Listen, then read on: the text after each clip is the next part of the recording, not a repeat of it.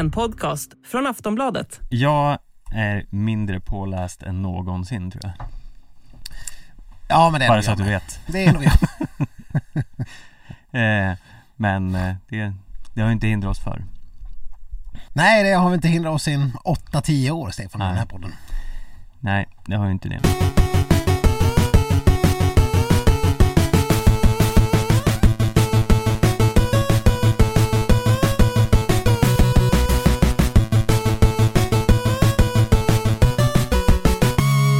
Ja men halli hallå skidsnackslovers Välkomna till ännu ett rykande färskt avsnitt. Eh, hela den här säsongen eh, har ju börjat rulla igång i eh, makalös takt. Man förstår riktigt inte vad hela liksom själva höstvintern tar vägen. Förstår du det Stefan? Eh, nej, det är eh, obegripligt. Nu är det snart jul. Ja vi sa Vi det. börjar få stress inför julrimmen här Ja, redan. precis. Vi, vi brukar ju liksom inte rimma till gröten men eh, rimma till, eh, till eh, poddrimningen. Till gröten. Till gröten, du vet man grötrim. Grötrim. Ja. Alltså det, det är så man gör i- ute, i- ute i stugorna för att använda ett, eh, känt skidsnacksuttryck. Alltså man äter gröt när man rimmar. ja, Mm. Ja, precis. det är så kanske man gör. man ska rimma till gröt. Vi har aldrig riktigt haft eh, gröt under rimningen det är mycket, mycket med, familj. med det där med men- mat. Man ska ju rimma julskinkan också. Det är mycket rimmat. Eh, eh, men i alla fall, vi brukar ju rimma till våra skid och skidstjärnor där ute. Ja. Eh, och så kom vi fram till att ja, det, är, det brukar vara innan jul och ja, nu är vi snart innan jul. Ja, vi- Vilket är helt sjukt. Ja. Eh, har du, det här är ju inte Paniken nästa avsnitt men igår Stefan när jag satt och bara kom på att ja, nej jag har inte köpt någon julklapp. inte en enda. Ja, någon. Ja. Men liksom eh, 90% var oköpta så bara Nej men jag måste nog gå in och beställa lite grann så bara Ja nej det går inte att leverera innan jul och jag ska ju åka hem och det här kommer inte Ja nej så bara liksom gav jag bara upp i någon form av panik Alltså, jag har ju alltid levt i tron om eh, att du är en eh, julfanatiker. Ja Så det här låter ju som ett, eh, ett rookie mistake som jag inte trodde att du skulle Jo. göra. men så här min julfanatism eh, är omvittnad och stark Ja, förra året, eh, lite tidigare än det här, var jag och Viktor i Strasbourg eh, som visade sig vara eh, julens eh, huvudstad. Mm. Eh, Fantastiskt och det var eh, hemskt. Jag var tvungen att gå in i varenda Ja. julaffär för det enda som fanns där var julbutiken. Ja. Det fanns inte en matbutik, det var, allt var jul. Ja Kämpemys Ja, det var julgranskulebutiker och pepparkaksbutiker och eh, julmarmeladsbutiker och, alldeles, eh, eh, Nu dreglar jag Stefan. ja, och alla hus var pyntade med eh, Ja. nallar i tomteluvor och det var Ja det var bizarre Ja det var magi. Och eh, att vistas med en eh, julextremist i en sån stad är eh, en upplevelse. Ja ja, fan, vi, höll, vi var ju halvt på väg till Lübeck här Stefan i år. Ja, Du hade ju, du hade ju fått eh, dela den upplevelsen med flera andra personer. Ja, men Till I exempel år din kan- sambo. Ja, i år hade man dock kanske sluppit ta på sig munskydd eh, varje gång man gick in i en butik och sen ta av sig det igen. Ja, mycket irriterande. Mm. Men, Dessa problem vi har Ja. vi i västvärlden men hur som helst, har du eh, inför nästa vecka kommit på någon som förtjänar en klappen? eh, Är tomtens lista klar? Nej, men när det kommer till julklappar, jag är lite mer eh, Karl-Bertil Jonssonsk inställd till det här med julklappar och sånt eh, Tänkte jag nu bara för att jag tyckte det var så himla drygt att handla julklappar till folk, men det- det är inte det julen handlar om det, det, handlar ju, det handlar ju om eh, att pynta tidigt och ha en julgran och, och myset Men det har du ju. Ja, Ja, ja, ja precis. Men det här med julklapparna, det känns lite, det, blev lite att känna som ett nödvändigt ont nu. mm. Eh, men det, det ska väl göras det också. Men Ja. jag, jag, paniken är total. ja. I alla fall. Nej men du har ju goda tio dagar på dig i alla fall i inspelande stund. Vi får väl se. Eh, och sen eh, själva rimpresenterna som vi brukar ge bort. Vi brukar ju kanske inte skicka dem fysiskt utan vi, det är mer en imaginär klapp. Va? Eller du har alltid Jag har alltid skickat mina. att skicka dina biljetter hit och Ja. dit och, eh, Marit Björgen har sagt att hon är väldigt glad för sitt panic room som Ja. hon fick levererat. Ja, ja, vad Mm. härligt. Mm. Eh, vad glad man blir. Mm. Eh, ja, så att vi får väl se. Vi återkommer till det nästa vecka. Mm. Eh, men då vet ni i alla fall vad som väntar då. Eh, eh, annars då, Stefan? Ja, för att fortsätta eh, följetongen som vi har här så för tillfället eh, står min bil på en fredagsgata. Eh, när ni lyssnar på det här har jag förmodligen hunnit flytta den om, eh, om gudarna vill. Ja. Eh, det är allt jag har att säga om min bil den här veckan. Ah, jag ska okej. inte bli långrandig. Nej, nej, Nej. Jag, jag tror inte det var någon som ville höra någonting om din bil så du har redan liksom övertrasserat bilsnacket tycker jag. Ja. Eh, nej men annars är det väl eh, frid och fröjd. Eh, nu snöar det ju fint här. Man kan nästan leva sig in i hur det skulle vara att åka skidor. Mm, verkligen. Ja, det är ett problem. Jag ska åka till Dalarna över jul men jag har, takboxen är i Dalarna. Ja. Förstår du vad det får Ligger de kvar de där kokta skidorna du, du hade i takboxen förra året? Min, min, när jag hade tagit det där hotboxandet till en helt ny nivå av skidor. Ja, Helt fel nivå. Eh, ja, nej, eh, nej de är ju de är i Stockholm. Så det är det som är problemet. Skidorna är i Stockholm, takboxen är i Dalarna. Och mm. min bil och jag själv är i Stockholm. men det är väl bara att slänga in dem i bilen. Det, det klarar den väl av. Ja visst, men då ska ju liksom, då är det med fara för liv och lem när man väl handlar i någon olycka och sådär. Men, men det är ju inte, det är ju bara mina barns liv och lem, herregud. Mm. Ja. Eh, petitesser. Ja, verkligen. Mm. Eh, ja, nej men eh, vad har hänt i våran eh, kära eh, längdskidcirkus sen senast då? Ja, men jag, vi måste börja med att prata lite grann om Linn Svan. Mm. Eh, hon gjorde ju förvisso någon form av bejublad comeback här sist. Vi kan väl eh, börja med det. Nu var ju inte motståndet liksom eh, eh, Ja det var ju inte eh, det, det mest eh, avskräckande motstånd man har sett eh, när hon ställde upp i den här eh, Sverigetävlingen i Idre. Men det, Det var, var- Ja, det var väl ungefär som om ni har spelat Super Mario Kart någon gång och man får en sån här eh, eh, Vad är det man får? Någon grej så att, en blixt ja, så att alla andra förvandlas till små Mhm. och så är man eh, själv stor och bara fräser förbi Mm. Så var det för Linn Svan i det här loppet eh, ja, hon mötte ju ingen Anna Maria Lampic direkt Nej. kan man väl slå fast. Eh, men hon vann ju. mm. Så det får väl anses vara eh, the job well done. Ja, Eh, Moa Hansson eh, tvåa, eh, sen en Lisa Ingesson och Ella Olsson och Märta Rosenberg. Det var liksom inga supernamn där i, i rullarna efteråt. Men, men, eh, men hon, hon vann och jag har inte sett några bilder för de var på en, en sajt som vi inte får besöka mm. eh, av kontraktsmässiga skäl.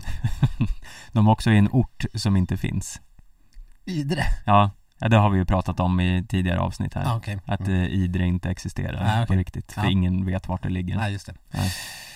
I Dalarna. Ja, Eh, men hur som helst, eh, hon vann. Eh, så sen blev hon inte att ställa upp på det här eh, distansloppet några dagar senare. Men, eh, men det spelar väl ingen roll, det var väl inte enligt hennes optimala plan. Och sen fick hon en inbjudan till att köra Davos. mm. Tog Men hon emot den? hon tog inte emot den Hon ska istället åka Skandinavisk Cup i Östersund eh, Visserligen får hon prominent motstånd där eh, Eventuellt av, eh, eller hon, Jonna Sundling ska också åka där Mm. Eh, men Jonna Sundling eh, eh, enligt eh, egen utsago verkar ju vara i eh, pissform. Jaha, Eh, eller hon, hon har inte återhämtat sig helt. Nej. Eh, efter sjukdomsperioden. Så hon började värma upp lite i Skandinavisk Cup. Men eh, ja, är det här, vad tycker du om det här beslutet av Linn?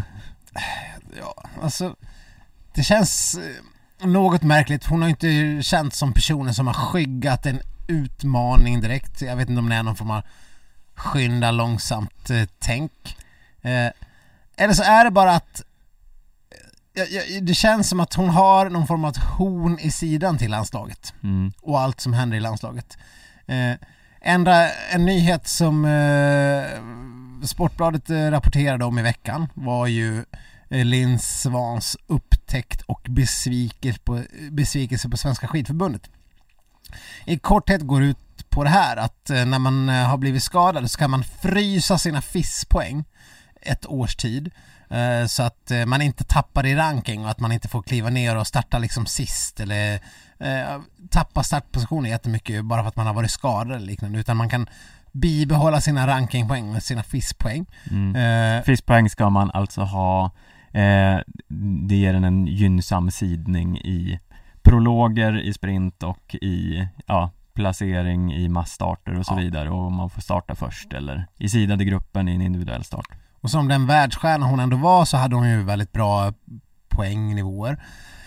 Men någon form av administrativ miss gjorde att eh, varken Linn Svan eller Svenska skidförbundet eh, upptäckte att det hade gått ett år och att det här eh, behövde förlängas den här dispensen eller vad vi ska kalla det för att göra det enkelt. Och för hon har ju varit borta i, ja, i nästan två år liksom. Mm, 600 dagar plus här i alla fall. Ja, precis. Och eh, sen visade det sig att Linn var lite mer eller mindre halvrasande på Svenska skidförbundet som hon tycker hade gjort bort sig för att de inte hade skött det här att, att göra den här förlängningen. Eh, hos FIS då, ansöka om att hennes FIS-poäng skulle få fortsätta vara frus, frysta liksom på något vis. Eh, och att det förde med sig att hon fick starta sist i prologen i, i Idre. Eh, och så säger hon på svar från Sportbladet. Det här är någonting man kan fråga landslaget. Varför har inte jag några FIS-punkter? Där har jag gjort en där har de, det gjorts en tabbe och många tabbar blir till slut för mycket. När man har skadat med... Ja.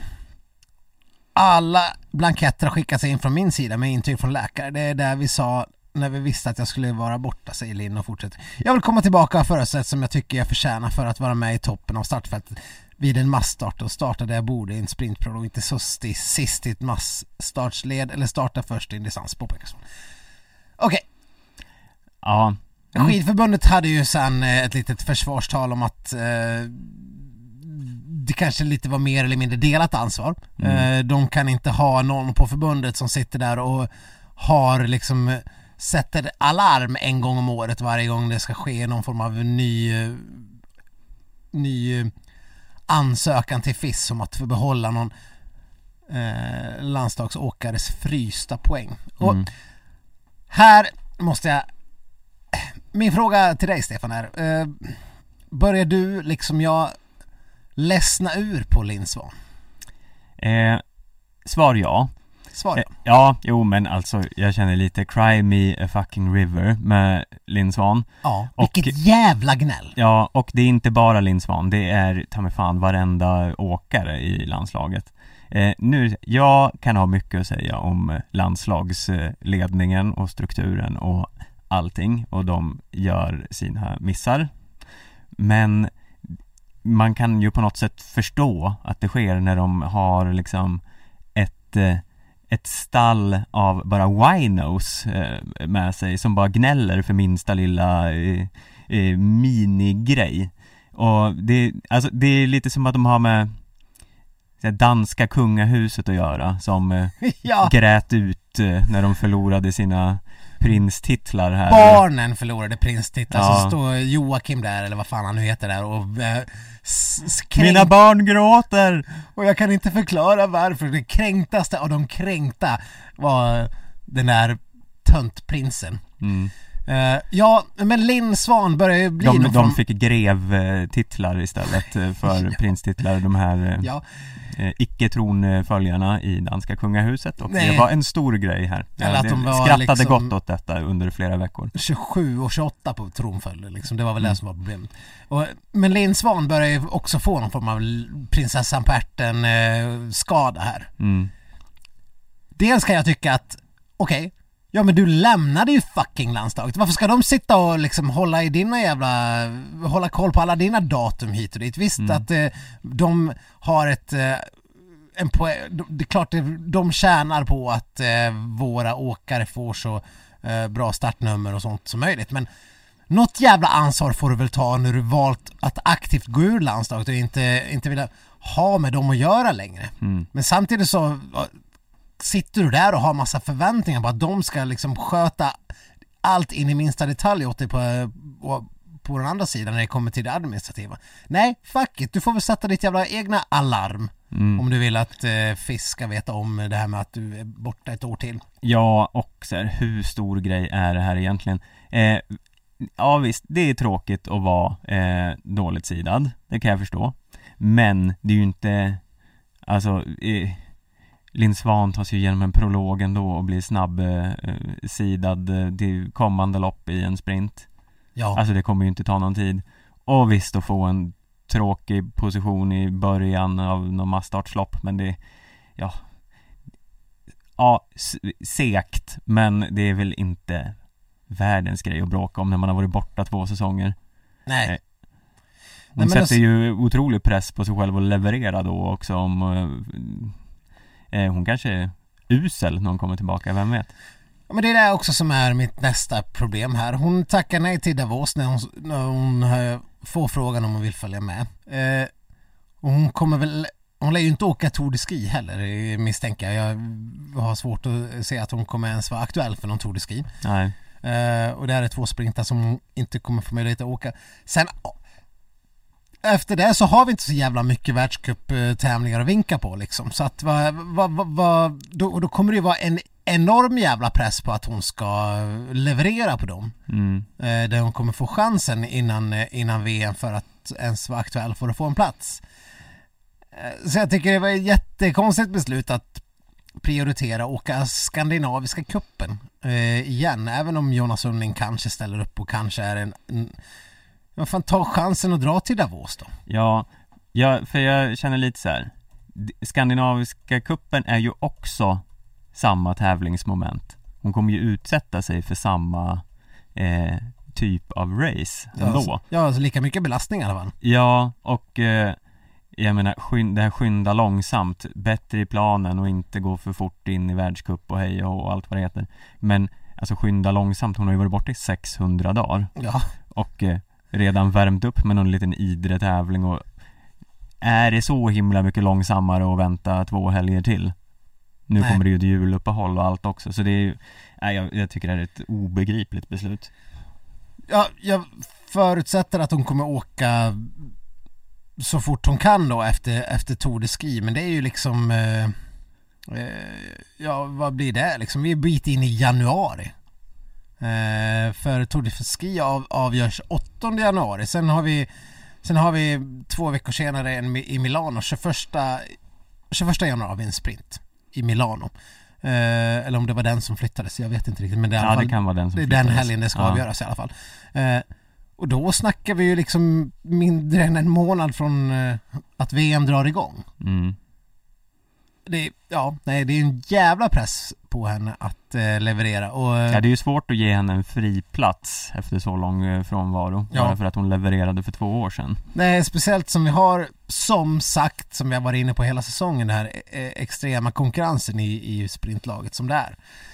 Eh, nej, nu, nu börjar jag bli less på Linn Svan och hennes gnäll och hennes eh, konstiga rådgivare som hon måste ha Mm. för eh, att komma fram till de här knepiga besluten som hon ändå har tagit. Så det enda som kan eh, få eh, mig att förlåta henne är att hon eh, kommer tillbaka och är ungefär världsbäst igen. Då släpper jag allt. Ja, det, det kan ju mycket väl vara så Så vi får väl pudla om någon vecka då När, hon är, när hon visar sig vara bra igen. Ja, eller om någon vecka, hon ska inte åka nu då Men ja, nej men det, vi har ju gjort pudlar förr så det är ju inte omöjligt att vi får göra det igen Nej. Eller någon form av halvpudel i alla fall Ja, men ryggradslösheten eh, vet inga gränser där i Ja. skidsaxtuden. Nej, det, det vet vi sedan gammalt Ja, det är världscuptävlingarna här i helgen då Jag vet inte vad du har att säga om det men det var ju inte Det var inte den roligaste helgen jag har varit med om i mitt skidintresserade liv Nej, det ska man verkligen inte säga att det var. Det, det var väl en meh. En ganska stor meh. Ja eh, Det var ju kanske den sämsta sprinten vi har sett eh, sen kejsar Augustus tid Mhm. eh, Inte en enda i damfinalen Nej, det var ju lite av en eh, superskräll. Eh, och jag vet inte vad... vad de, om de ens skyller på något. Det var ju, vi hade ju Maja Dahlqvist och eh, eh, Johanna Hagström. som kunde gå vidare som lucky losers där efter semi men så gick det snabbare i den andra semin och så bara, nej. Mm. Så blev det ingenting med någonting. Mm. Eh, Ja, det var mycket så här, jo men det kändes bra men det var väl inte, tydligen gick det fort nej, för de andra. Det var ingen så här, det var ju, de var inte speciellt ilskna eller gav så mycket förklaring, någon av dem. Eh, och samtidigt så fortsätter den här Lotta Udnesväng. Var fan kom hon ifrån? ja, det är ju Tiril som är, är giganten. Nu kom det, kom Lotta istället och Ja, gick upp på pallen. ja och precis, Lotta har ju, jag tror knappt hon har varit med under den här säsongen men nu blev hon två. Mm. Eh, men Tiril, ja, vi har inte pratat om henne heller. Hon, hon har helt plötsligt blivit liksom någon form av världsstjärna. Mm. Eh, ja, hon eh, kommer ju bli giftig i totala världskuppen om hon ska fortsätta på det här sättet. För hon är ju grymt stabil både i distans och sprint. Och det har man ju inte sett tidigare riktigt. Hon har ju mer varit en sexa, sjua, tia åkare. Ja. Ehm, så det, det är oroväckande. Ja, ja precis. Ja, ja, det, det känns ju lite grann som att eh, totala världscupen, vi, vi kommer inte va, va, ha någon som är med där och fightas. Eh, eh, det vi sa för typ två, tre veckor sedan att eh, Frida och eh, Ebba skulle vara där och fightas om det. Det, det börjar jag helt misströsta om nu, speciellt nu när de eh, Ebba får covid och Frida väljer att inte åka en del grejer och vem, och vem vet vem som åker eh, Tour de Ski och sånt så att eh, Mm. ah, nej det kommer inte bli någon svensk världscup, total världscupsegrare i år heller. Nej, det ser ju svårt ut. Eh, det kräver ju att eh, Frida åker allt och presterar i sprint. Eh, och även om hon har tagit sig, eller gjort vissa bra sprintlopp så är hon ju inte, hon prenumererar ju inte på de högsta poängen direkt och det måste hon ju börja göra i sådana fall. Förutsatt då att inte här, Weng och Diggins börjar stå över en massa saker. Nej. Det tvivlar man ju lite på. Och från att ha varit så här världens mega bästa landslag när vi liksom tar hem eh, segrar och eh, vi var inne på triple doubles där i Ruka, det är liksom eh, första och andra platser och liksom sopa banan. Så börjar jag nu med att känna, vad fan, ska det här bli någonting av någonting? Frida såg ju ganska blek ut i det här 10 km loppet. Det snackades om och om och om igen om att hon har problem när det är så här kallt och sånt. Mm. Eh, och det har vi ju sett prov på några gånger förut, inte minst under OS, att hon har haft väldiga problem när det har varit kallt. Mm. Eh, och det är ju lite, fan, vilken tråkig egenskap för en uh, sk- längdskidåkare att inte kunna prestera när det är kallt. Ja, eh, det väl Niskanen som hade gått ut och bashat lite kring det där att eh, det är en vintersport vi sysslar med. Ja. Bit ihop för fan, alla klena idioter. Det där var mina egna ord, Ja, men det, det, sa var, det var hennes andemening. Okej. ja. ja, och ja, som vann. Ja, Eh, dessutom, bara, bara det är ju provocerande. Eh, men ja, nej, det var, och sen, eh, men det som ändå var lite grann höjdpunkten på den här Beitostölen eh, helgen var väl då den, eller höjdpunkten, det som man såg mest fram emot, i alla fall jag, den här mixed-stafetten. mm. Men du har ju glömt att vi fick en pallplats också. Av Frida. Nej, men vi fick en pallplats av eh, vår otroligt stabile konung eh, eh, 89 Kalleballe. Mm. Ja, där börjar jag fundera om han kanske kan vinna världscupen. Mm. Däremot. det är inte omöjligt.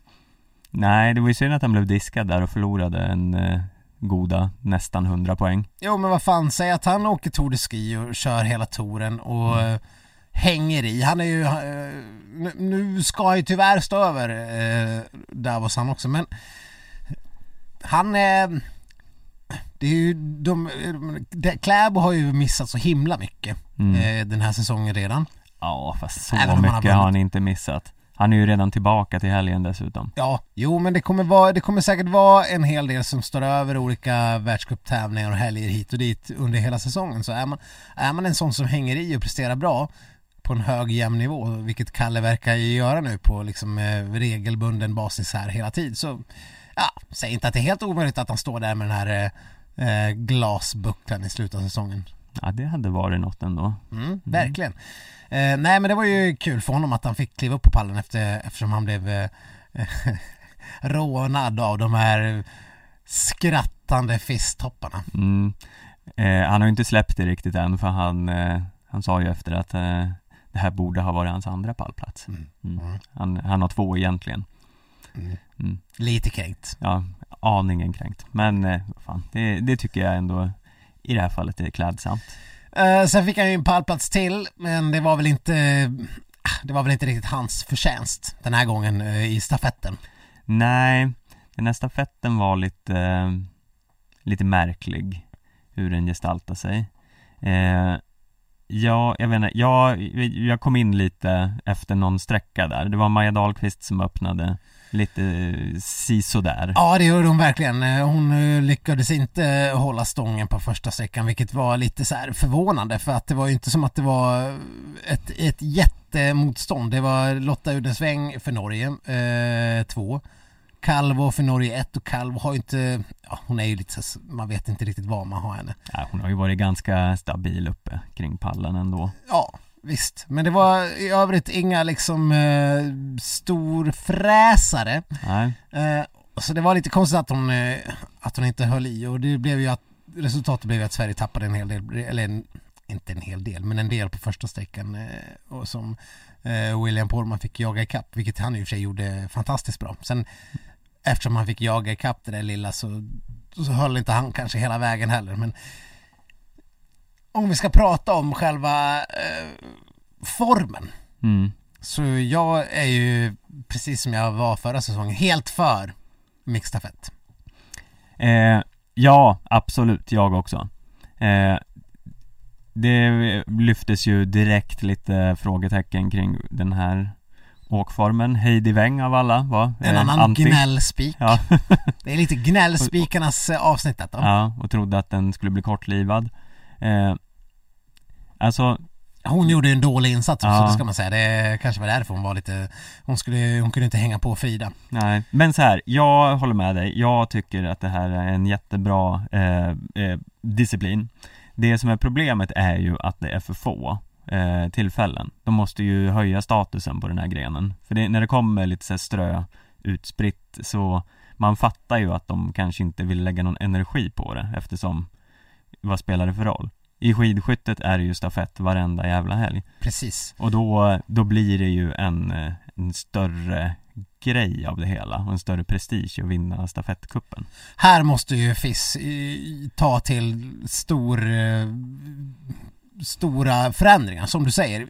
Ordna en ordentlig eh, stafettbuckla, alltså att, så det kan bli ett race om det här, vem som tar hem någon stafettcup. Eh, att liksom eh, landslags... Att landslagen har incitament att tävla för någonting. Både som i skidskyttet där har man ju en samlad landslagstävling liksom där, eh, där landslagen får poäng ut efter hur de individuella åkarna går och hur det går för dem i stafetten. Så det är nationskuppen Mm. helt enkelt. Det, det på samma sätt finns det ju inte inom längdskidåkningen att, det att, att man samlar ihop resultat från stafett. Och, och det kanske är, är poänglöst eftersom Norge såklart skulle vinna den varje år oavsett. Men det kan ju införas prispengar och annat som gör att eh, länder som USA inte alltid, som de gjorde nu med den här mixstafetten, de inte ställer upp med sina bästa namn. Nej, Vilket flera länder inte Ja. gjorde. Fast jag kan okeja det för USA eftersom de ändå ställde upp med Hunter Wonders Ja. Världens bästa skidåkare Namnmässigt Ja, namnmässigt, eh, precis. Han är ju, eh, han är ju klart uppe där med Dakota Jack for, Jack, eh, Dakota Black Horse von Jess Black Horse von Jess. Ja, En annan gammal skidsnacksfavorit. ja om de två hade varit med i laget samtidigt Då jävlar Ja, nej men eh, Hunter Wonders, det, vad, vad sa du? Är det en Marvel-hjälte? Ja, det är, de måste göra en ny Marvel-film om Hunter Wonders eh, Har inte riktigt kommit fram till vad hans superkraft är Men det är någonting i stil med Wolverine Han fäller ut eh, klor fast han fäller ut skidor ur fötterna det låter som att det är någon blandning av Wolverine och eh, Inspector Gadget. Ja, eh, sen jag vet inte riktigt om det är superbra egenskap att kunna fälla ut ett par skidor Nej. Eh, för alla andra kan ju hoppa fem kilometer med ett litet skutt, så det är ju eh, det gör ju alla superhjältar. Han, det kan ju bli en sån här fin eh, James Bond-aktig scen. De brukar alltid återkommande ha någon, så här, var, tredje, fjärde, fjärde Bond-film så har de ju en lång eh, skid-chase-scene. Ja, men det är liksom, man kan inte räkna med hans hjälp vart man än är i världen. Men om man är på ett fjäll, Ja. då jävlar är det bra att tillkalla Hunter Wonders. Han kanske har såna raketer på skidorna som, eh, som, i, som eh, han norsken i Sällskapsresan säger att han har. Ja, men i och för sig, om han även kan fälla ut stavar ur händerna så kan han ju attack eh, eh, folk som Didrik Tönseth gör Ja, i spåret. vi har ju sett vad man kan göra med ett par, man kan ju också nästan stava ihjäl sig själv som eh, Som Peppe Femling. Peppe Femling. Precis. Stav genom vaden bara. Mm. Ja, eh, ja nej men eh, nog om eh, Powers Wonders. Ja, om vi har några liksom artists där ute så kan ni få skicka in fanfiction på, på eh, Hunter Wonders som Marvel-hjälte. Ja, Mm. skidsnackshjälte i alla fall. Vi får starta ett eget eh, sk- skidsnacks extended universe. Mm. SSEU. Mm. Ja, nej, visst, det, det har vi någonting att gå. Eh, men i alla fall, det var inte bara USA som eh, ställde upp med ett slätstruket lag. Det var flera andra nationer som kanske inte ställde upp med sina bästa namn. Ja, Tyskland kunde ju ha haft ett betydligt bättre. Ja. Eh, så att det är klart att det, det krävs ju något som gör att man eh, tar det här på större allvar. Eh, och det, det är ju då ekonomiska incitament till exempel eller, eller andra fördelar ur ett rankingmässigt system. Mm. Eh, men det, det verkar vi inte ligga i framkant med och jag kan inte riktigt förstå hur man kan ha så himla mycket stafetter i skidskyttet jämfört eh, med eh, längdskidåkningen. Vad är det som gör att de kan palla och tävla så mycket mer? Ja. Inte lika långa lopp och sådär är säkert en viss förklaring. Mm. Eh, men annars är det smått obegripligt. Ja, eh, det är ju inte Alltså En liten eh, stafettrunda per världscuphelg Ja, jag vet inte Det kanske ge, gör jättemycket extra Men eh, eh, Jag tror det bara handlar om organisation egentligen Och skidskyttet är ju eh, Resor bättre på att arrangera en världscup än vad, än vad FIS är Ja, Eh, så det, det är ju bara krismöte inför nästa säsong. För det, om de fortsätter på det här sättet, nu har jag inte i huvudet hur många mixstafetter det kommer vara under säsongen, men det är ju på samma sätt som de vanliga stafetterna har varit förut, att det, de är ju rätt poänglösa. Mm. Och det är ju, eh, ja, det är så sjukt att bara slarva bort en så bra klassisk disciplin på det sättet. För när det kommer till mästerskap är ju stafett oöverträffat i, i spänningsnivå. Ja, och det finns ju också en naturligt, eh, naturlig del där man hjälper till att bevara den klassiska skidåkningen som disciplin om man tycker att den är viktig. Mm. Eh, vilket som vi såg nu i mixstafetten, där hade de ju två klassiska sträckor och två freestyle-sträckor. Eh, och jag kan ju själv tycka att det är en ganska viktig sak för det kanske är något som ändå särskiljer eh, längdskidåkning, att man just har den eh, den grejen kvar, att man, eh, man kan vara bra på två olika saker fast det är typ samma sport. Mm. Eh, det, det ger en extra krydda lite grann. Eh, och kan, blir inte lika likformigt som om vi bara skulle köra freestyle eh, rakt igenom. Mm. Det, det är en bra det är en bra grej som jag inte tycker att man ska liksom modernisera bort. Mm. Eh, speciellt som eh, den stora motionsbredden fortfarande faktiskt håller på med, med klassisk skidåkning. Eh, vi har liksom inte kommit ifrån det. Nej. Även om man, man skulle kunna trott att vi skulle ha gjort det för 30 år sedan eftersom det är lättare att lära sig åka freestyle. Men, men fortfarande så är är det det vi lär oss. Mm. Den klassiska skidåkningen i, i, i skolor och ute i, eh, ja, men, eh, i klubbar och sådär. Så att eh, det är klart de ska behålla den så länge man kan. Och den här stafetten eh, är ju ett sätt att eh, verkligen hålla det bevarat. Mm. Så att, eh, men det, det krävs ju att FIS gör någonting för att, eh, att bara ha en stafett så här en gång per år. Det blir ju lite poänglöst. Som jag kollar igenom skidskytteprogrammet eh, lite snabbt här nu och eh, ja, de har ju stafetter i varenda jäkla eh, världscuphelg. Mm. Och en helg, det är inte en helg i skidskyttesammanhang utan de kör ju liksom onsdag till söndag Mm. eh, typ varje vecka. Ja, det är ju någon form av long weekend varenda gång. Ja, eh, extra mycket mys och det är både eh, herrstafetter och det är singelmixstafetter och det är mixstafetter och det är, och, men det är framförallt väldigt, väldigt många eh, liksom vanliga lagstafetter hela Ja. tiden. Eh, så det, det, det är en mycket bättre och eh, mer tilltalande show när det kommer till skid, eh, skidskyttet. Så är det bara. Ja, en annan sak är att skidskyttar känns som att de väldigt sällan väljer att göra något annat. Åka och köra någon liten träningshelg och stå över en, eh, en världscup. De, det är ju om de är sjuka eller inte blir uttagna.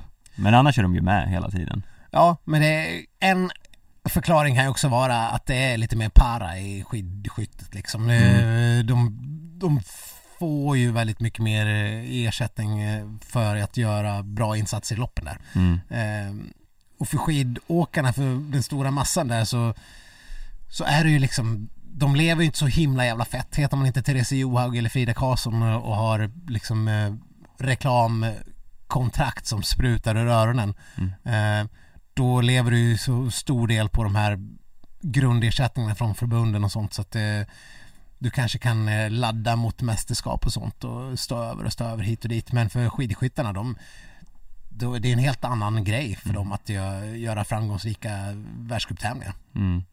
Eh, jag såg för övrigt att eh, Stina Nilsson har skaffat sig en ny samarbetspartner eh, Blossa Ja, eh, Och det känner jag ju är helt rimligt ja. Hon är, hon är ju en fantastisk ambassadör för Blossa utan att eh, eh, ha sett mycket mer än ett inlägg så tycker jag att det var, eh, ja, man vill se henne sjunga den här BLOSSA. ja.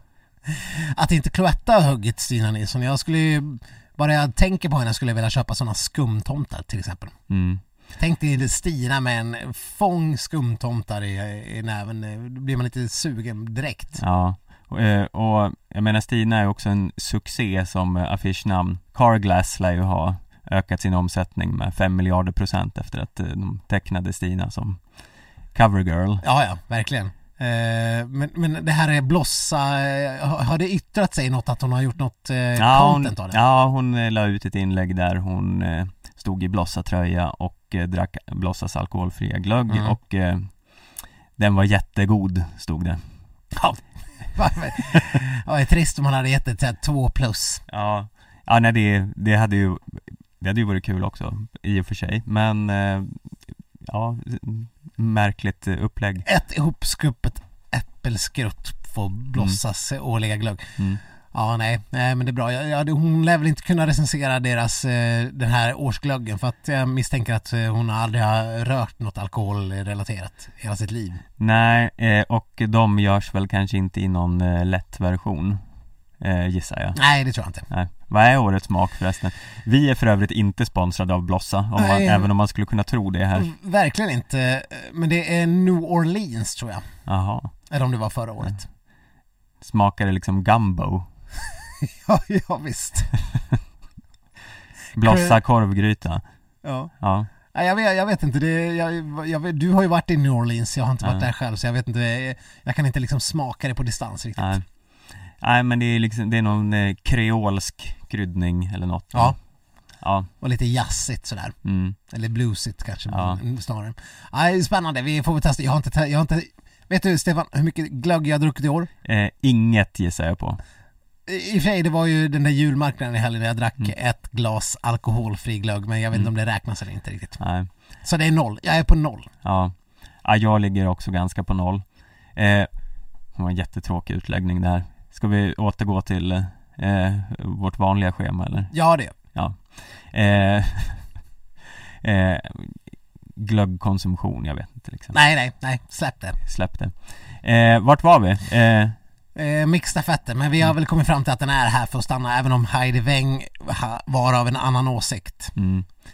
eh, ja, och eh, jag tycker att, eh, ja vad fan de vann ju, eh, Norge så kan väl sluta gnälla. Ja, det var ju lite trist att det skulle bli dubbelt Nor- Norge trots allt. Eh, Jag var, jag var lite besviken på Sveriges eh, andra lag som, som var fan tia eller någonting i den stilen. Riktigt klent Ja. mot vad mina förväntningar var innan. Men det tråkigaste, det absolut tråkigaste med det här loppet var ju att Emil Iversen fick gå och spurta om Kalle på upploppet. Att det var just Emil Iversen, Ja. det är så störigt. Men det, när, när de gick ut sådär tillsammans då förstod man inte att det skulle bli så. Ja, eller de gick ju inte ens ut tillsammans, Iversen fick ju äta i kapp och Just det, Kryger och Kalle fick starta lite innan. ja, Eh, och Kalle var först upp och drog och sen kom han fram till att varför ska jag dra? Det är ju Kryger som behöver rycka. mm, Eh, vilket äntligen var ett vettigt beslut av Kalle. Även om för hans del så hade han ju tjänat förmodligen på att Iversen hade fått slita lite mer ensam. mm, Eh, sen gjorde ju Kryger, Kryger processen kort. Det kunde man ju räkna ut att Kalle inte skulle klara av en tempoväxling i hans, eh, av hans kaliber. Men en Emil Iversen som har sett så jävla blek ut under hela säsongen att han inte ska kunna... Ja, det, nej, men det, det var... Det var så väntat men ändå var besvikelsen så stor. ja, och det är ju så här, är, för Emil Iversen är ju ute och hugger mot Kalle hela tiden och man känner ju för en gångs skull att Kalle ju faktiskt är bättre än Emil Iversen. Eh, så det var ju så här, mm, Jo, jo.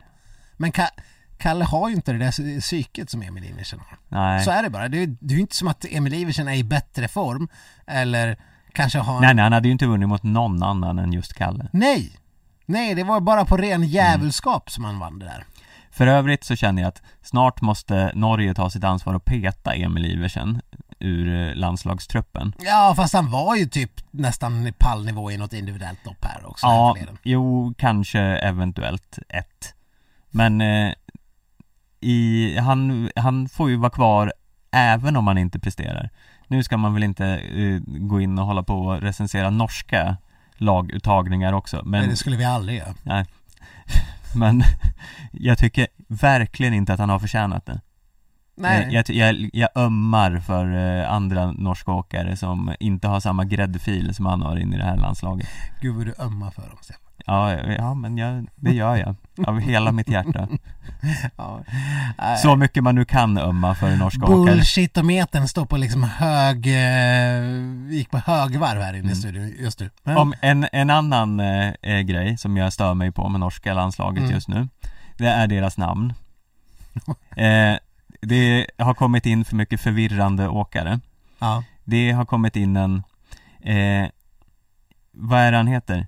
Iver Trondheim någonting ja, visst. eh, Iver Trondheim det, finns, liksom- det finns en Emil Iversen, en Iver Trondheim Mm. Så finns det en eh, Evensson eller någonting Ja. och en Even Northug Ja, jag, har inte, jag har inte orkat lära mig de här namnen än nej. eh, Så jag ber om ursäkt för eh, fel namn här men det är Ja, men det är det som är problemet med, Förvirrande helt enkelt med Norge. Det kommer ju alltid, det kommer alltid någon jävla Andersen som man tänker, Ja. men ja men vad fan den där, var inte den eh, som var bra ett lopp förra året bara gick in och vann eller någonting sånt eh, och så kommer det en, en till som heter typ ungefär likadan som också visade sig vara jättebra fast kanske bara fick vara med en gång och blev tvåa.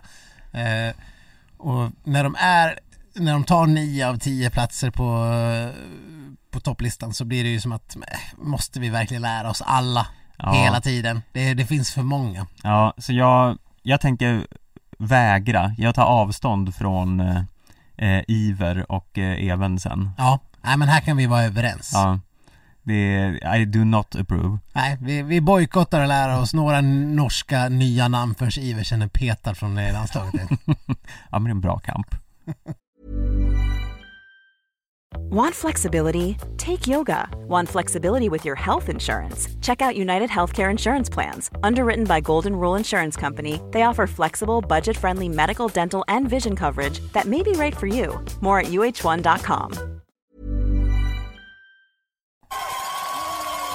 Ja, från eh, en eh, miserabel helg tänkte jag säga, det var väl lite att ta i, men nästan, till en, eh, vad som kan bli en ännu mer miserabel helg, eller vad säger du? That's the spirit. Ja, nej men det är sådana tider, man måste säga som det är Ja. Eh, nej, du pratar om, om truppen till, eh, till Davos. Eh, Davos? Davos? Davos. Det Davos. låter som så här Bravos i, Ja. i Game of Thrones. Jag tror man säger Davos, Davos. i alla fall om man är från Sverige. Ja. Mm. Uh, nej, det, det kanske inte är något som eh, omedelbart uh, rosar marknaden rent intressemässigt. Men vi kan väl dra den lite snabbt. På damsidan har vi Ida Dahl, Maja Dahlqvist, Frida Erkers, Johanna Hagström, Ingrid Hallqvist, Jenny Larsson, Lovisa Modig och Jenny Solin. Och nej, det är ju inte idel toppnamn. Nej, alltså Maja Dahlqvist och Johanna Hagström i all ära, de kan ju leverera såklart. Ja, eh, om de shapar upp sig lite från förra helgen. Men annars eh, är det ju en påtaglig eh, frånvaro av eh, världsstjärnor här. man kan säga att Linn Svans namn hade piggat upp. Ja, det hade det gjort. Nu får vi istället se vad långloppsfantomen Ida Dahl kan göra. Ja, det Det- ska ju i och för sig bli ganska kul. Ja, jo men eh, det ska det faktiskt. De, eh, för landslaget har ju lite samma inställning som vi har till eh, långlopp. De föraktar långloppsåkare.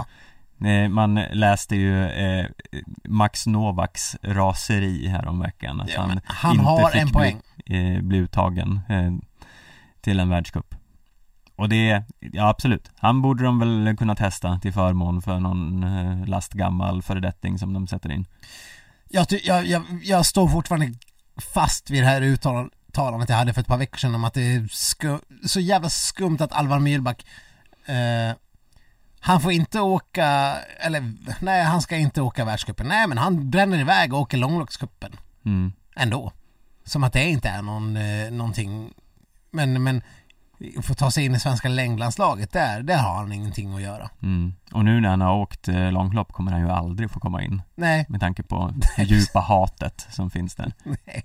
nej men Ida Dahl fick ju chansen då. Ja, ja till slut. Jag vet inte hur hon har mutat eh, Byström. Ja, nej, jag vet inte heller. Men eh, det är ju, det är ju inga, det är ju, det, det är en sprint och en 20 kilometers eh, lopp här i, i Da- Davos, så att jag vet inte. Davos var det nu. Ja, det du har, det är väldigt eh, spridda skurar här. Eh, Eh, så att det är väl där, det är väl på 20 kilometers loppet som de tänker att Ida Dahl ska eh, visa framfötterna. mm, Även om det går i fristil, får vi se. mm. Kommer hon ihåg hur man gör?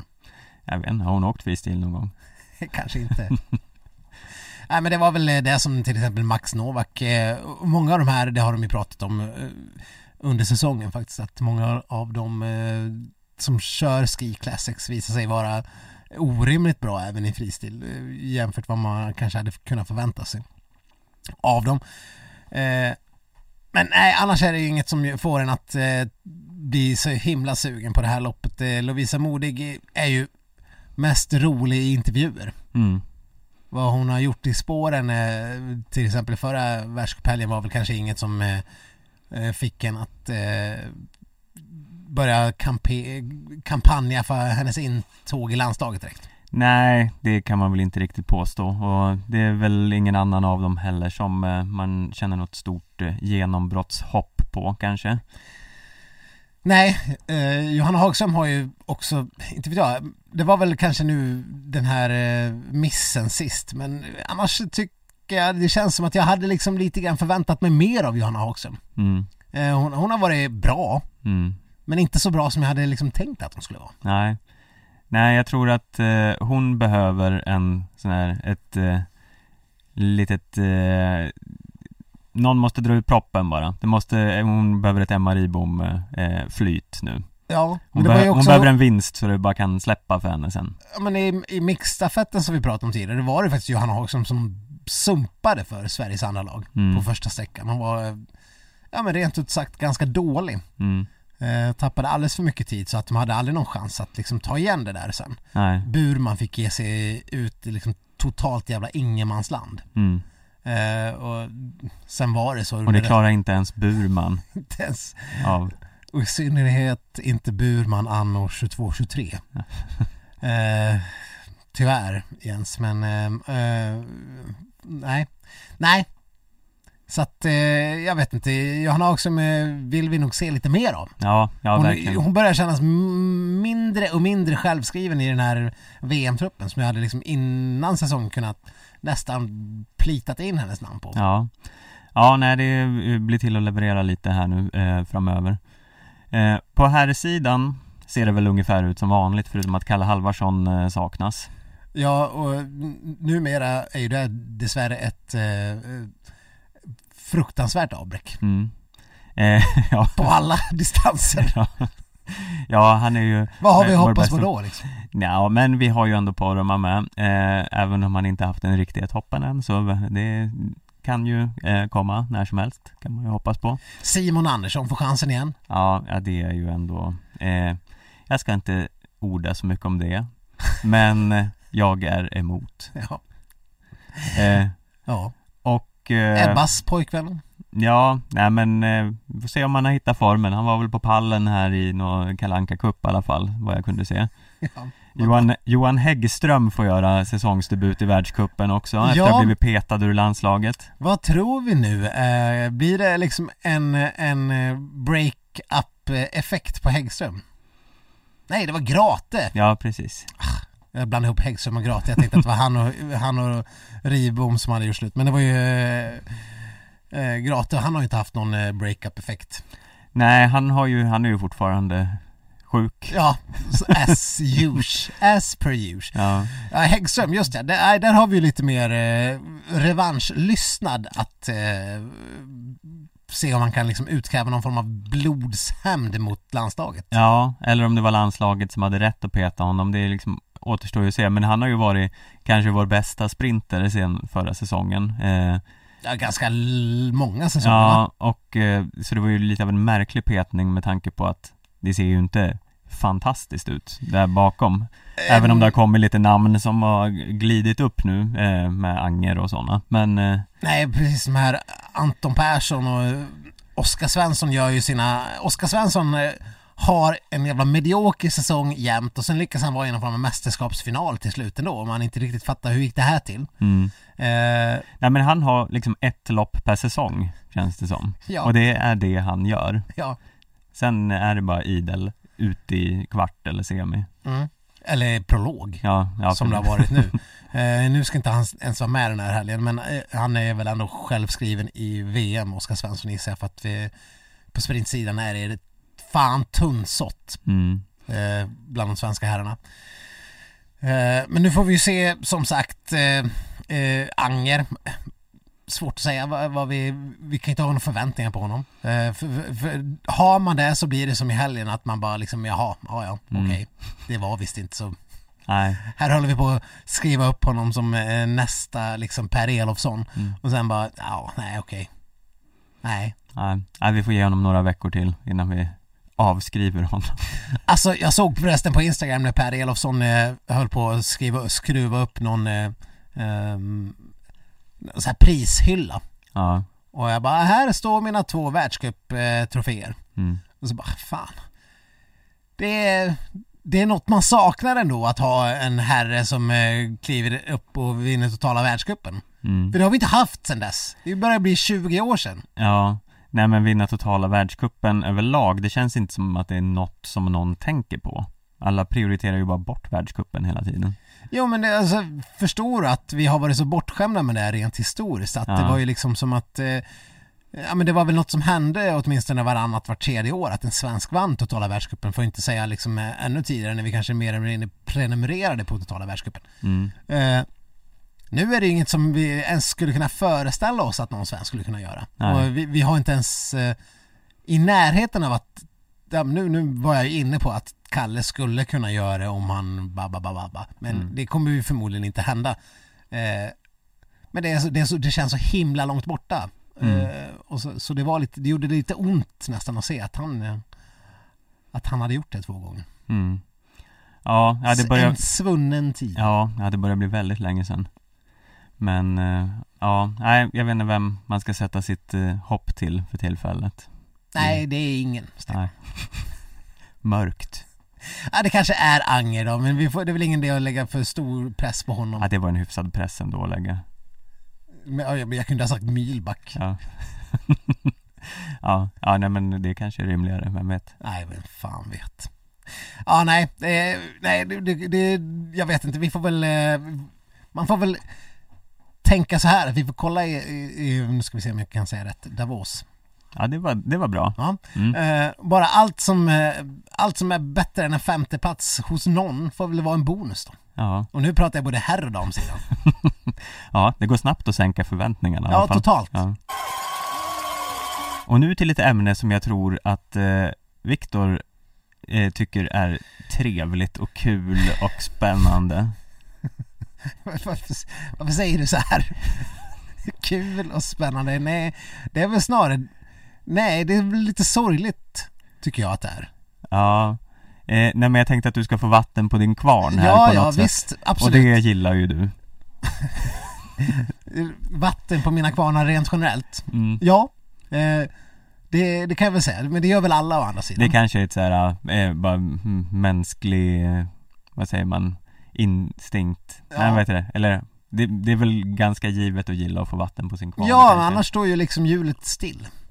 ja. Då blir det ju ingenting gjort. Nej, Eh, så att, eh, men nu, nu ska vi prata då om eh, eh, det som vi var inne på lite kort, Anna Maria Lampic. mm.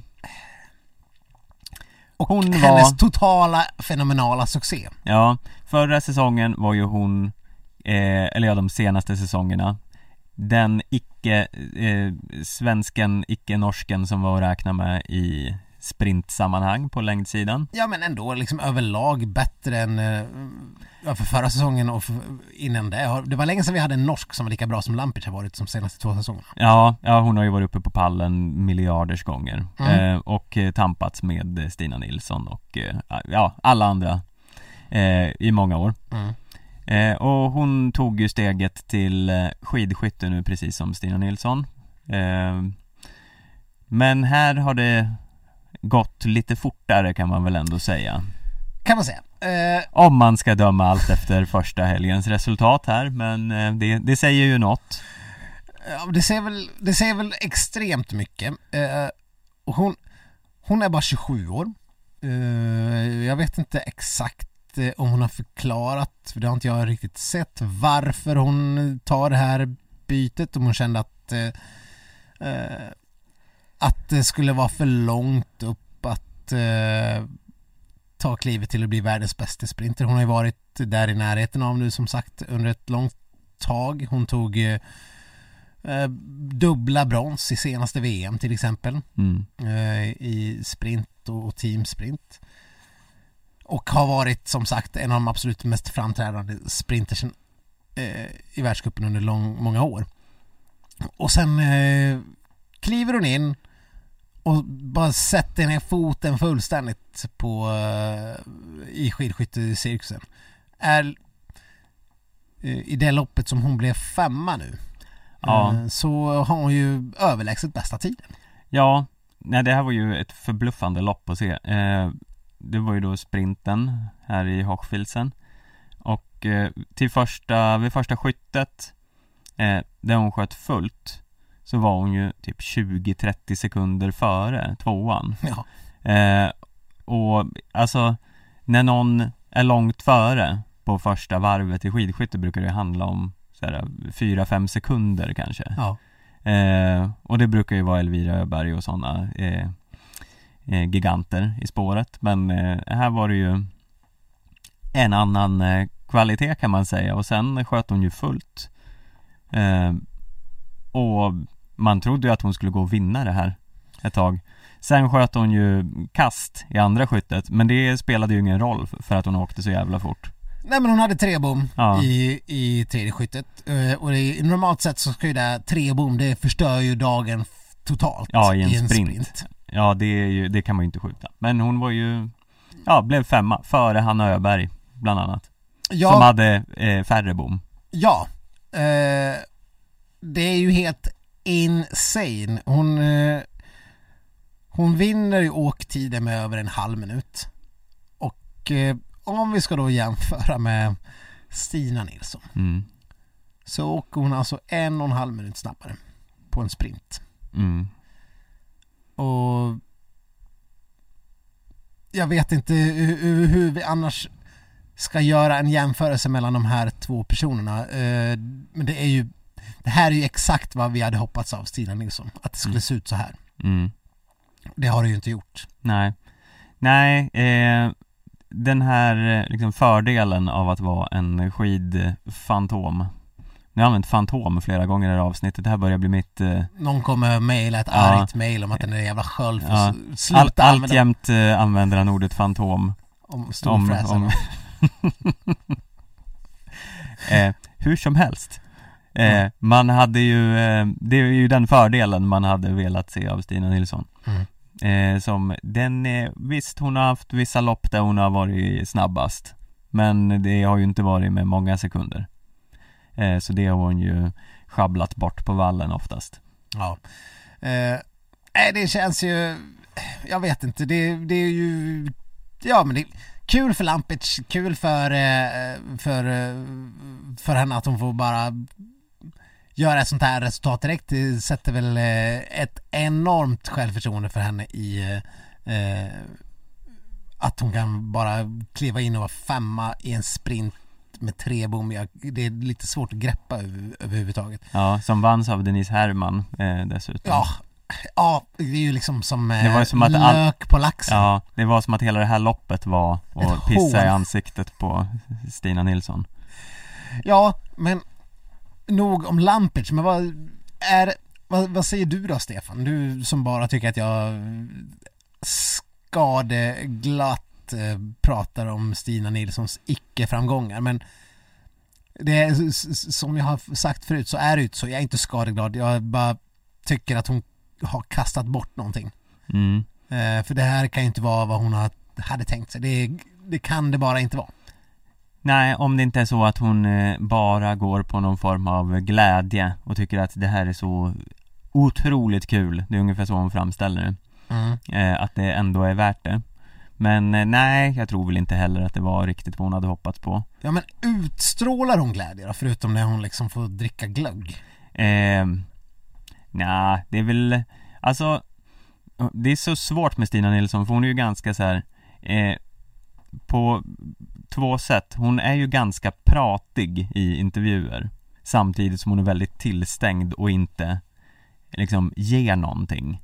Så man vet, hon är lite av ett eh, enigma Mm. Eh, man, det är svårt att veta vart man har henne för man tror att hon eh, beskriver eh, så himla bra kring sina känslor och allt men hon, det hon säger ju mest bara eh, hon refererar till vad som hände, Mm. inte så mycket känslorna bakom på ett så målande sätt. Hon är ju inte en Mona Brorsson direkt. Nej, alltså det här börjar ju, jag börjar ju mer och mer känna att det börjar likna liksom Jörgen Brinks skidskyttesaxning. Mm. Eh, han var ju, tror eller också en eh, ganska hyfsad sprinter när det begav sig. Mm. Eh, och såklart en, en, en, en, en stabil landslagsåkare över, överlag. Mm. Stafettåkare som vi minns. Mm. Sen gjorde han ett, ett, ett halvhjärtat försök, halvhjärtat, det var väl säkert helhjärtat, men han gjorde ett eh, ganska misslyckat försök som skidskytt Mm. eh, och la av efter eh, ett par säsonger, vad det nu kan vara, jag minns inte, det var ju hundra år sedan. Mm. Sen gick han och vann fyra, fyra Vasalopp istället. Mm. Kanske är det det Stina Nilsson ska göra. Eh, hon har ju alltid varit bättre på klassisk skidåkning eh, ändå. Mm. Eh, så jag vet inte, jag vill, jag, jag vill inte önska någon till Ski Classics. Men Ja, det var elakt det kanske, kanske är det det hon ska göra. Ja. Jag, jag börjar bli trött på att prata om hennes usla och eh, eh, så här, mm, man blir ju besviken mest när man ser henne på skidskyttevallen Mm. eh, eller skidskyttespåren och det är, det är tröttsamt att prata om eh, att, att hon är en besvikelse. Mm. Eh, för det tror jag att det är inte bara jag som känner. Eh, den här se och lära och några säsongers innan vi ska ha förväntningar. Nu, nu har vi nu, det har gått för länge sedan. ja. Ska vi ha några förväntningar på henne någonsin som skidskytt, då är det nu. Vet du vad? Vi ska, så att du liksom inte deppar upp totalt här Istället för att bara prata om besvikelse Så ska vi prata om succéer och framgångar Jaha, eh, Vi ska prata om Peppe Femling ja.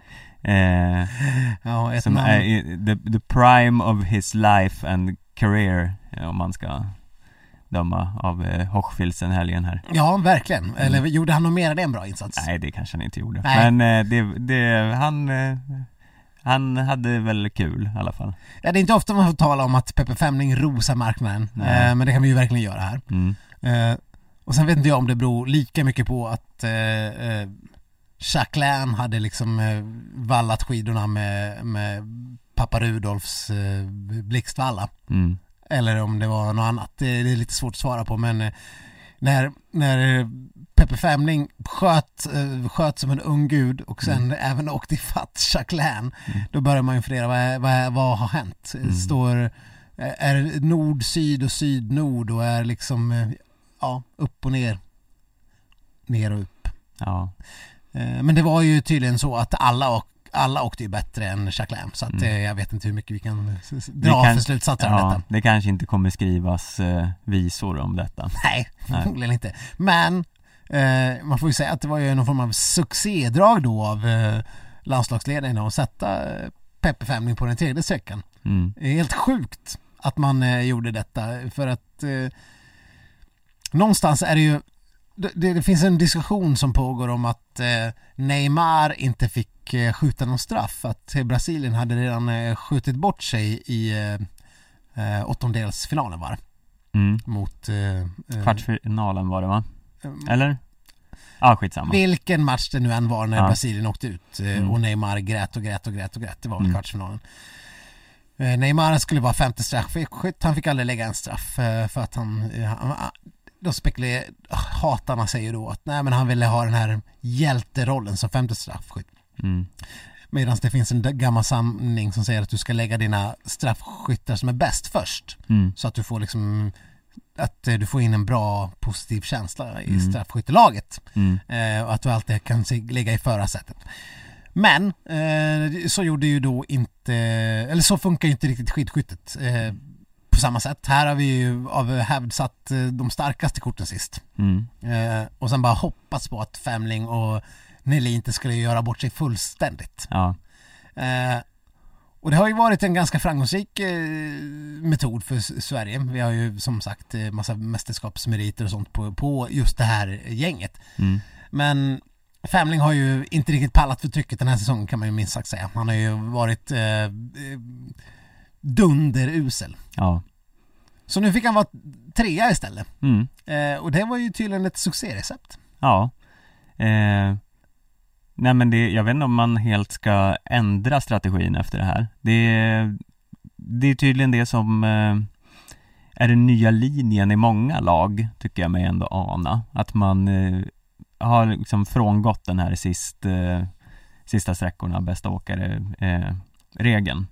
Så det är ju, det, är, det går ju inte enligt, eller det går i Neymar-linjen då helt enkelt. Ja, precis.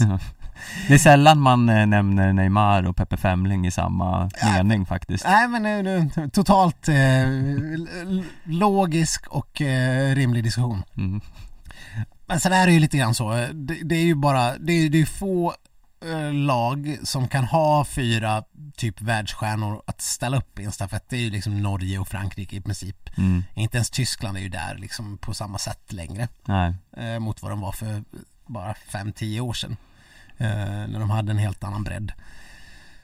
Så det är, ja, men det är Norge och, och, och Frankrike som kan laborera och då blir det ju som, som det blev för Norge nu att eh, vem var det som körde sista sträckan? Christiansen. Eh, ja, jag tror det.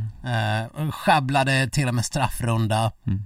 Ändå kunde han ju liksom raka hem den där segern lite utan att förta sig fullkomligt. Hade han Mm. gjort två straffrum som det var där att han faktiskt gjorde så hade det kunnat gått åt skogen. Eh, så de kan ju förstås ställa upp sina lag lite hur fan de vill. Då har de en bö eller två Mm. så, går, så löser det sig oftast ändå. Ja. Eh, vi har ju inte den lyxen. Vi, Femling är ju verkligen han är ju det vi har. Mm. Men eh, då är det ju fint i alla fall att se att han eh, faktiskt kan när det, när det gäller. Ja. Eh, sen skulle inte jag säga att jag kan... Att Du man- litar inte fullt och eh, liksom alltid och ständigt på Femling efter Jag tror att det är för tidigt att dra några slutsatser om att det här sätta vårt svagaste kort som tredje streckåkare skulle vara succéreceptet som vänder upp och ner på skidskyttevärlden. Jag tycker vi tar det ett steg längre. Vi, slä, vi sätter honom på sista nästa Ja. gång. Ja. Ja kan men, bara bli succé. ja men lite så. Alltså, å andra sidan, är det inte lite grann? Norge, de, de hade ju då, han hade ju en, en och en halv minut när han gick ut i ledning där och ja, i princip. Så att eh, med ett bra första skytte där på sista sträckan då, då har man det ju ganska förspänt om man eh, har en god ledning. Ja, jo men så är det ju. Kanske blir lite, kanske försvinner lite av den där nervositeten jämfört med att stå bredvid de andra på vallen och jag vet inte, det, det, är, lite, det är så jävla mycket mindfucks i den här eh, sporten. Mm. Så det är svårt att veta vad som funkar för varje individuell atlet men eh, ja, jag vet inte. Mm. Jag, jag, jag, jag, jag skulle inte säga att, jag, säga att vi har knäckt koden direkt. Nej, vi, i sådana fall så borde de anställa oss som jourhavande idrottspsykolog i skidskyttelandslaget. Det har man ju sagt många gånger. Ja. Eh, ja, nej men eh, det var väl kanske eh, vad vi hade att erbjuda denna vecka. Jag tror det va Stefan? Mm. Eh, nästa vecka kan ni, om ni inte har gjort det, eh, köpa plus och lyssna på oss vidare. Vi har ju varannat avsnitt i Aftonbladet plus eh, och vi har en kampanj där så man kan få två, de två första månaderna för 49 kronor. Eh, då går man in på kampanj.aftonbladet.se skidsnack så hittar man det erbjudandet där. Och som sagt, det är ju det årliga eh, rimavsnittet också, så det vill ni ju verkligen inte missa. Nej, man vet aldrig vem som kan få en klapp. Nej. Eh, och eh, i övrigt, ni, eh, som vanligt kan ni nå oss på skidsnack aftonbladet.se eller på Facebook och Instagram under skidsnack. Precis, kom gärna med nyhetstips eller eh, tips om eh, roliga snackisar. Eh, det är ni väldigt duktiga på, våra lyssnare, och fortsätt gärna göra det. Mm, eller fina teckningar av Hunter Wonders. Ja. Ja. Så hörs vi förhoppningsvis nästa vecka. Hej då! Hej då!